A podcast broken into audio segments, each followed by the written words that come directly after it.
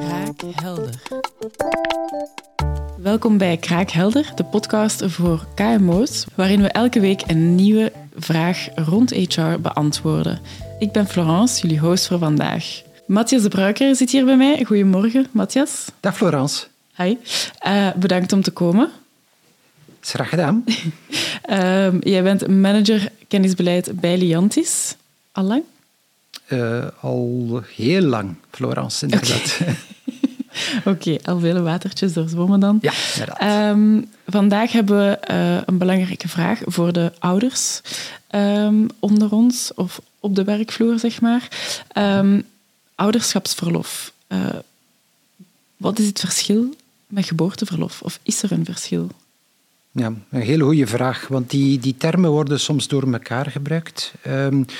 Het geboorteverlof, vroeger heette dat uh, vaderschapsverlof. Men heeft dat in 2011 aangepast naar geboorteverlof, omdat men um, vond dat ook bijvoorbeeld meemoeders ook recht moesten hebben op het geboorteverlof. Waarover gaat dat? Uh, eigenlijk een kindje wordt geboren, de afstamming staat vast, wie dat de ouders zijn. Um, en uh, de wetgever heeft geacht dat het nodig was dat die mensen ook naast de biologische moeder die de zwangerschapsrust of bevallingsrust kan uh, genieten, dat die mensen ook tijd vrij krijgen om bij het kindje te kunnen zijn dat pas geboren is. En eigenlijk, um, dat begint nog in de jaren 1990 van de vorige eeuw. Toen was dat nog drie dagen voor de mensen die toen een, uh, een kindje gekregen hebben. Toen was dat nog drie dagen betaald door de werkgever, maar ondertussen is dat al geëvolueerd. Sinds 1 januari van dit jaar zelfs naar 20 dagen verlof uh, die de vader of de meemoeder kan, uh, kan genieten. Drie dagen daarvan zijn nog altijd betaald door de werkgever, maar de overblijvende 17 worden gedragen door de ziekteverzekering. Dus eigenlijk is het ziekenfonds van, uh, van de vader of van de meemoeder die die uitkering dan zal uitbetalen. Dat is een recht voor die mensen, geen plicht om op te nemen. Dus je hebt mm -hmm. geen wettelijke plicht om afwezig te zijn van het werk als vader of meemoeder. Dus dat is, dat is wat betreft het geboorteverlof. Daarnaast heb je het ouderschapsverlof. Dat is dan weggelegd voor beide ouders. Dus ook voor de moeder die de bevallingsrust al genoten heeft, die kan eigenlijk gedurende een bepaalde termijn, gekoppeld aan de leeftijd van het kind, die kan dan ouderschapsverlof gaan opnemen. Dus zowel vader als moeder kunnen dat opnemen. En die kunnen dat opnemen onder de vorm van een volledige onderbreking van de prestaties. Dus er wordt totaal niet meer gewerkt. Ofwel vermindert men tot de helft, ofwel vermindert men met een vierde of met een vijfde. Vroeger bestond er nog andere systemen. Gelukkig is dat een beetje uit de wereld, want het was helemaal complex geworden. Um, dus uh, dat betekende dat je bijvoorbeeld vroeger een derde vermindering had, een vierde vermindering. Uh, ik, ik zei daarnet van een vierde, maar eigenlijk is het een vijfde en een tiende. Dus er zijn vier vormen, om het nog even te recapituleren. Dus volledige stopzetting, vermindering tot de helft, vermindering met een vijfde of vermindering met een tiende. En in dat systeem is het niet de werkgever die betaalt, uh, het is de RVA die betaalt. Dus eigenlijk uh, gaat de Rijksdienst voor Arbeidsvoorziening, die ook de werkloosheidsuitkeringen uh, uitbetaalt, die gaan ook onderbrekingsuitkeringen uitbetalen aan die ouder die dat ouderschapsverlof opneemt. Oké. Okay.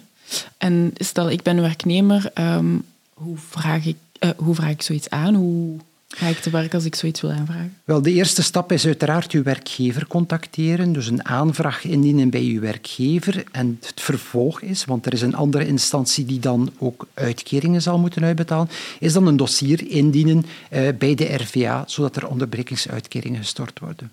Oké. Okay. Zijn er nog andere soorten verlof voor ouders, waar dat ze eventueel beroep op kunnen doen naast geboorteverlof of ouderschapsverlof? Ja, wel, het geboorteverlof en ouderschapsverlof zijn voor de hand liggend. Uh, en meestal gaan die uitgeput worden.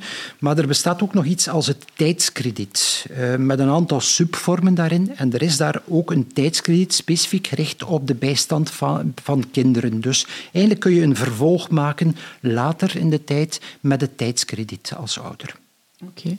En kan dat eender wanneer aangevraagd worden? Of zijn er bepaalde limieten op qua aanvraagtermijn? Voor ouderschapsverlof is het zo dat de periode van ouderschapsverlof die u wilt genieten eigenlijk moet starten voor de twaalfde verjaardag van het kind. Vroeger was dat de achtste verjaardag, maar heeft dat op een bepaald moment opgetrokken naar de twaalfde verjaardag.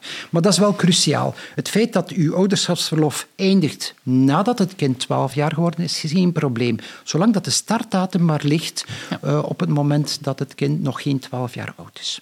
Oké. Heb je eventueel nog tips of andere misverstanden of zo dat je uit de wereld wilt helpen rond verlof? Wel, uh, misschien nog meegeven dat ook het gewone klassieke wettelijk verlof kan aangewend worden om, uh, om voor uw eh, kind te zorgen als werknemer. Uh, je hebt ook soms uh, vormen van inhaalrust omwille van arbeidsduurvermindering, die kunnen ook gebruikt worden. Maar dat associeert men natuurlijk niet specifiek aan, uh, aan het kind van de werknemer. Weet ook wel, en dat is misschien goed om te weten als werkgever, dat... Um, een werknemer die ouderschapsverlof opneemt ook wel beschermd is tegen ontslag. Dus dat betekent dat je toch altijd, maar eigenlijk is dat een reflex die je altijd moet hebben, dat je eigenlijk naar je klantenadviseur toe contact opneemt om te kijken of er sprake is van een of andere vorm van ontslagbescherming als je overweegt om, om tot een ontslag over te gaan. Want dat kan toch wel zware sancties tot gevolg hebben als je bepaalde ontslagbeschermingen niet respecteert. Oké, okay, goede tip. Dankjewel. Graag gedaan. Dat was het voor deze aflevering van Kraakhelder. De volgende keer uh, zal Matthias er opnieuw bij zijn voor opnieuw een heel interessante HR-vraag. Hopelijk ben jij er dan ook terug bij. Tot de volgende keer.